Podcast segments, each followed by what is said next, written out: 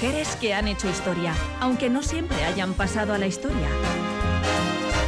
Algunas hoy célebres, otras aún por descubrir. Algunas heroínas, otras villanas, todas singulares. Es tiempo de hacer visible lo invisible. Es tiempo de vivir para contarlas. Hoy recordamos la agitada vida y el tristemente escaso pero valiosísimo legado musical de la cantante y compositora británica Amy Winehouse, uno de los nombres más influyentes del soul contemporáneo referente, confeso, de otros y otras artistas a los que abrió camino en su demasiado corto periplo. Ella se consideraba una cantante de jazz, pero se desenvolvía con idéntica soltura en el pop, el rhythm and blues en el hip hop, en el ska y por supuesto en el soul. Edurne Baz, ¿qué tal? Bueno, bien diremos, ¿no? Pese a las circunstancias. Bueno, pues vamos a dedicar estos minutos ¿eh? a relajarnos. Amy Winehouse recuperó clásicos estilos musicales que no parecían tener ya espacio en las comerciales listas de éxitos. Sí, se los descubrió a generaciones para las que eran ya bastante ajenos y reabrió caminos musicales por aquel entonces ya poco transitados que más tarde recorrieron y siguen recorriendo otros artistas que le sucedieron. Dos únicos álbumes de estudio fueron suficientes para para que el nombre de Amy Winehouse pasara a la historia de la música, aunque sin duda nos saben a poco. A quienes admiramos su extraordinario talento, poseía una voz única y absolutamente reconocible, un característico fraseo y un estilo personal igualmente inconfundible que se recuerda en una exposición en el Museo del Diseño de Londres. La tribulada Amy Winehouse tocó el cielo en términos profesionales, pero también conoció de forma trágicamente prematura el infierno al que la arrastraron sus recurrentes fantasmas fantasmas interiores, sus severas adicciones, un amor tóxico y la insoportable y morbosa presión mediática, un explosivo y nefasto cóctel que se la llevó con solo 27 años.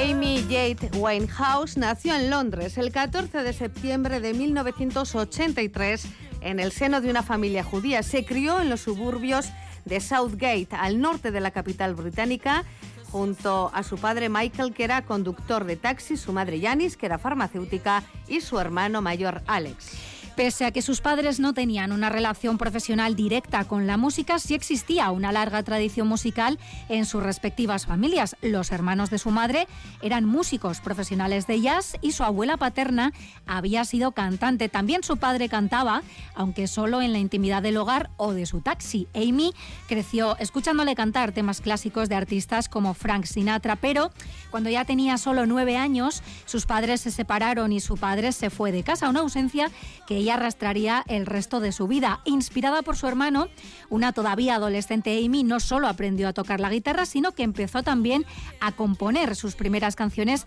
a partir de experiencias personales. Aún buscaba su estilo en la maraña de referentes musicales de los que por aquel entonces bebía, desde el jazz de Sarah Vaughan, Frank Sinatra, Dinah Washington, Billie Holiday o Ella Fitzgerald, hasta el soul de Aretha Franklin, de Ronettes o de Supremes, pasando por el hip hop de Salt and Pepa aquella autodidacta joven aprendió a cantar escuchando música. Los primeros pasos de su carrera profesional los dio como cantante de bandas locales o como vocalista principal de la National Youth Jazz Orchestra. Los pequeños pubs de Londres se convirtieron en un accesible campo de entrenamiento para la futura estrella de la música que, sin embargo, según reconoció ella en numerosas ocasiones, jamás pensó que acabaría dedicándose a ello profesionalmente. Por supuesto, a nadie pasaba desapercibida su increíble voz y mucho menos a su amigo Tyler James, quien hizo llegar una grabación de Amy al empresario, manager y productor de televisión Simon Fuller, en cuya empresa de publicidad trabajaba como auxiliar administrativo. El sueño de Tyler era trabajar como cazatalentos y mira tú por dónde justo delante de él tenía uno, uno enorme. Grandes discográficas como Emmy o Virgin se interesaron por aquella privilegiada voz, pero finalmente fue el sello Island el que se llevó el gato al agua y con el respaldo del productor Salam Remy, Amy estaba lista para lanzar a sus 20 años su primer álbum de estudio.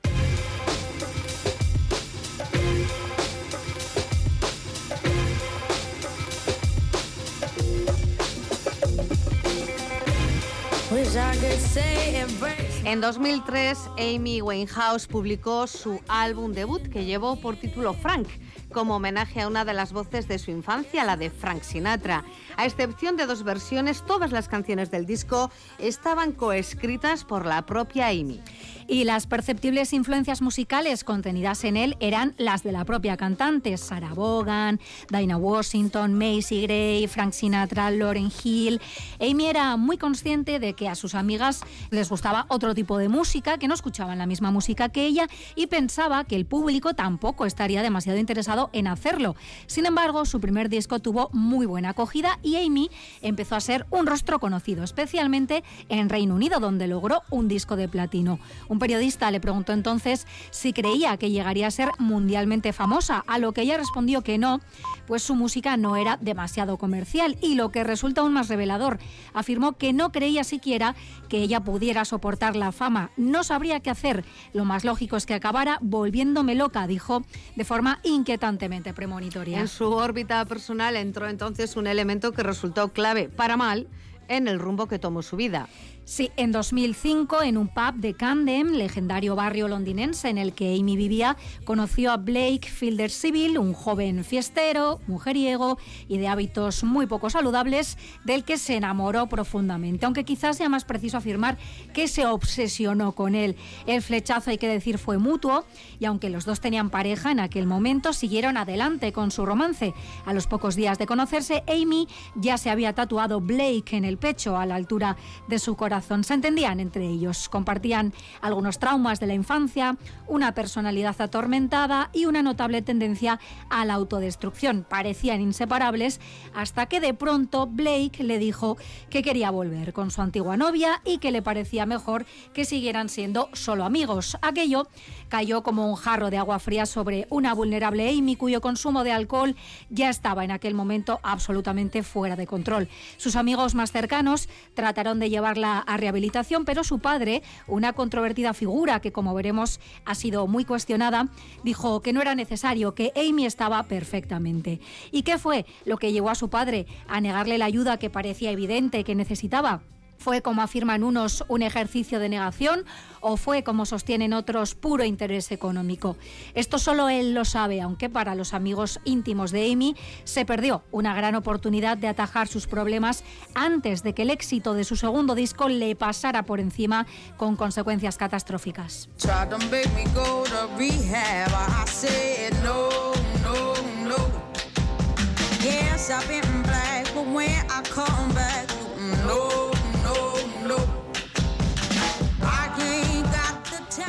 Me dicen que vaya a rehabilitación y yo digo no, no, no. Amy seguía escribiendo canciones basadas en sus propias experiencias y no deja de resultar paradójico que la materialización musical del que acabaría siendo su mayor drama personal se convirtiera en un rotundo y arrollador éxito mundial. La presión a la que Amy se vio sometida para sacar al mercado su segundo disco coincidió con su doloroso proceso de ruptura con Blake. Hizo entonces lo que acostumbraba hacer y lo que muchas almas creativas han hecho antes y después de ella, convirtió su dolor en arte.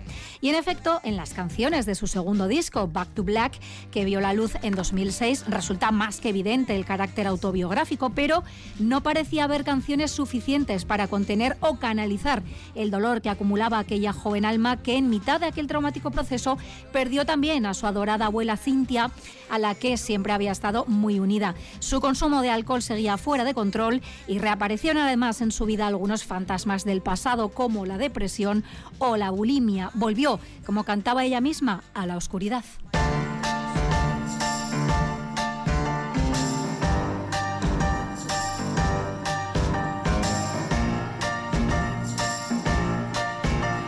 Su segundo álbum de estudio, Back to Black, transformaba en maravillosas canciones el dolor que Amy venía experimentando. Los temas contenidos en el disco, que fue alabado por la crítica y adorado por el público, hicieron de ella una estrella mundial. Era, ahora sí que sí, y de forma oficial, aquello que tanto miedo le había dado siempre, mundialmente famosa. La añorada época de las actuaciones en pequeños locales de jazz, con un público reducido ante el que Amy se mostraba honesta y genuina, había había quedado atrás.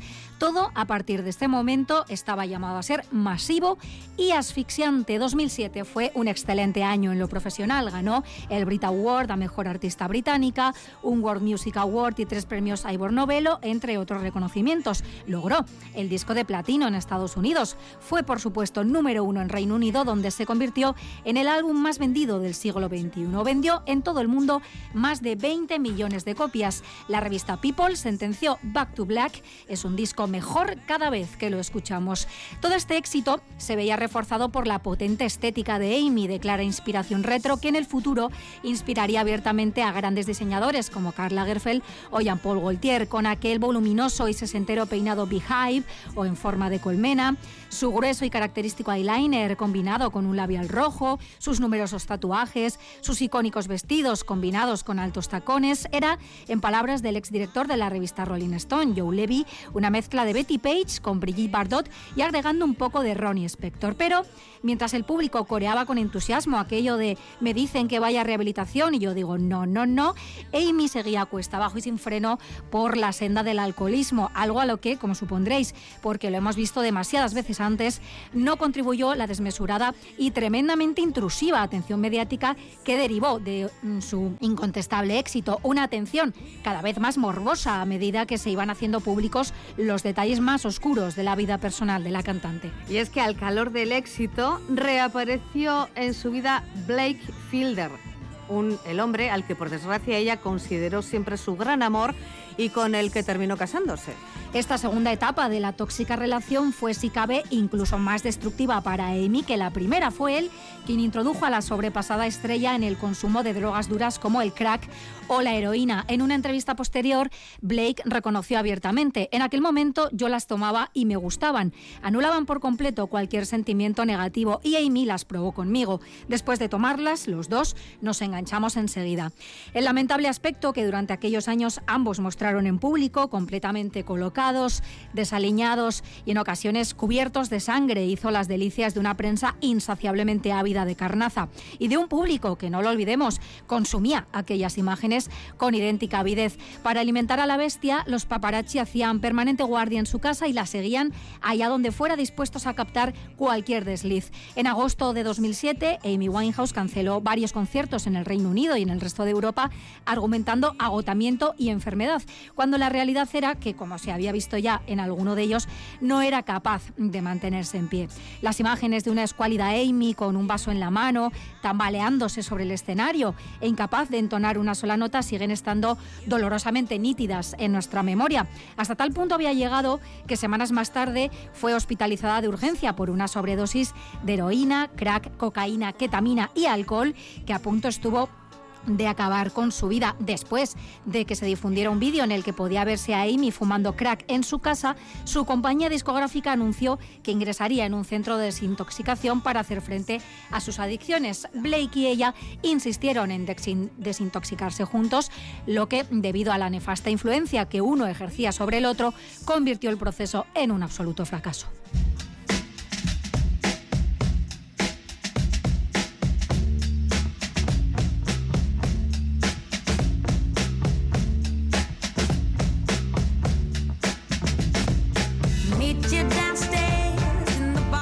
Marido de Amy Winehouse fue encarcelado por agresión, intimidación, chantaje y amenazas al propietario de un local de Londres.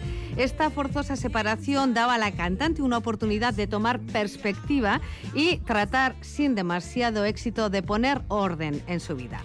Por desgracia, su dependencia no era solo de carácter narcótico, también experimentaba una insana dependencia emocional con respecto a su marido. Llegó a afirmar, no puedo darlo todo en el escenario sin mi Blake, lo siento mucho, pero no quiero hacer los espectáculos con poco entusiasmo, amo cantar, mi marido lo es todo para mí y sin él simplemente no es lo mismo. Y cuanto más vulnerable y abrumada por sus problemas se mostraba Amy, más crueles se mostraban la prensa sensacionalista, el público y algunos comediantes. Las mofas, referidas a sus adicciones y a su deplorable aspecto físico, se convirtieron en una despiadada constante, como lo fue la cada vez más atroz persecución. Son inolvidables aquellas imágenes de Amy mirando a través de sus cortinas, encerrada en su casa como un animal acorralado. Paralelamente, el éxito de Back to Black seguía imparable. En 2000 2008 llegó a cosechar seis nominaciones a los premios Grammy, se hizo con cinco de los premios, incluido el de Mejor Disco Pop Vocal del Año. Eso sí, tuvo que agradecerlo de forma telemática, ya que su solicitud de visado había sido rechazada por la Embajada estadounidense en Londres. Lo vivió rodeada de su familia y amigos en un estudio de música de la capital británica, en el que ofreció un concierto especial. Sus cinco premios le garantizaron el acceso al Guinness de los Récords como la primera artista británica ganadora de cinco Grammys en una sola noche y se los dedicó a su encarcelado marido.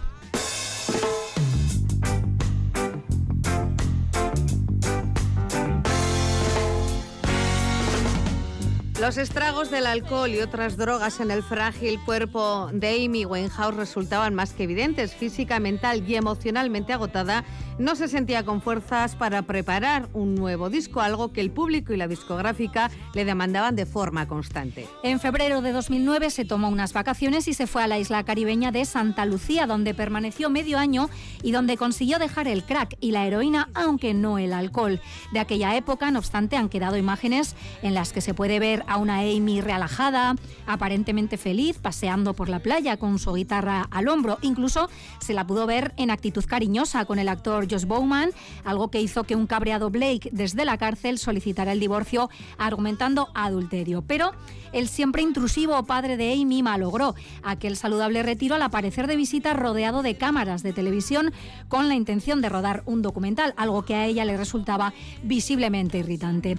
Seguía intentando, pese a los obstáculos internos y externos, dar forma a su tercer y esperado disco, incluso llegó a crear su propia discográfica, pero sus problemas personales frustraban constantemente cualquier avance, impedían a Amy responder adecuadamente a sus compromisos contractuales. La última vez que Amy Winehouse pisó un estudio de grabación fue para cantar a dúo con uno de sus ídolos de la infancia, el gran Tony Bennett. El tema elegido fue el clásico del jazz Body and Soul. A Amy le quedaban solo unos meses de vida.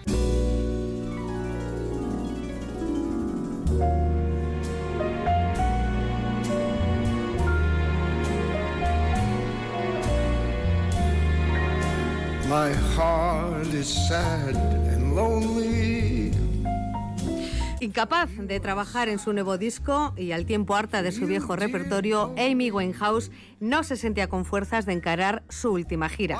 Su consumo de alcohol volvió a dispararse hasta el punto de que, de cara al que sería su último concierto, la sacaron de su casa, donde la encontraron dormida e inconsciente, y la metieron en un avión con rumbo a Belgrado. El 18 de junio de 2011 ofreció en la capital serbia un concierto absolutamente desastroso que llegó a ser calificado como el peor concierto jamás visto, completamente ebria y con la mirada perdida, Amy daba tumbos por el escenario, incapaz de articular sonido alguno entre los agresivos abucheos del público. Todos sus conciertos fueron cancelados y regresó a casa mucho antes de lo previsto. Por evidente que nos resulte ahora, quizá entonces no fuimos del todo conscientes de que la vida de Amy Winehouse se estaba apagando en tiempo real ante nuestros ojos.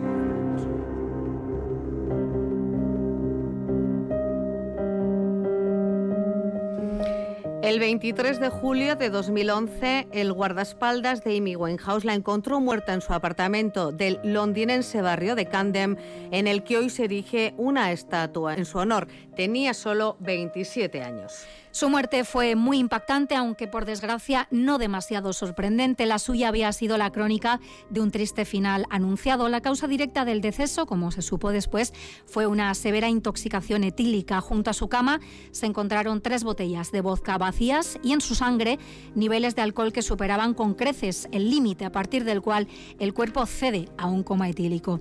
Amy entró en el tan célebre como fatídico Club de los 27 junto a otras estrellas de la música, como Brian Jones, Jimi Hendrix, Janis Joplin, Jim Morrison o Kurt Cobain, que como ella murieron a esa edad. Como muchos de ellos, Amy Winehouse ha seguido generando pingües beneficios más allá de su muerte, con discos póstumos confeccionados a base de grabaciones inéditas o con la reciente subasta en la que, entre otros muchos objetos personales, se ha vendido por 200.000 euros el vestido que lució en su desolador y último concierto en Belgrado. Todos sus beneficios, defiende su padre, se destinan a la Winehouse Foundation para concienciar y apoyar tanto a jóvenes como adultos con problemas de adicción, pero atendiendo a las circunstancias que rodearon la vida y la muerte de Amy, no se puede negar que todo tiene un regusto como mínimo extraño.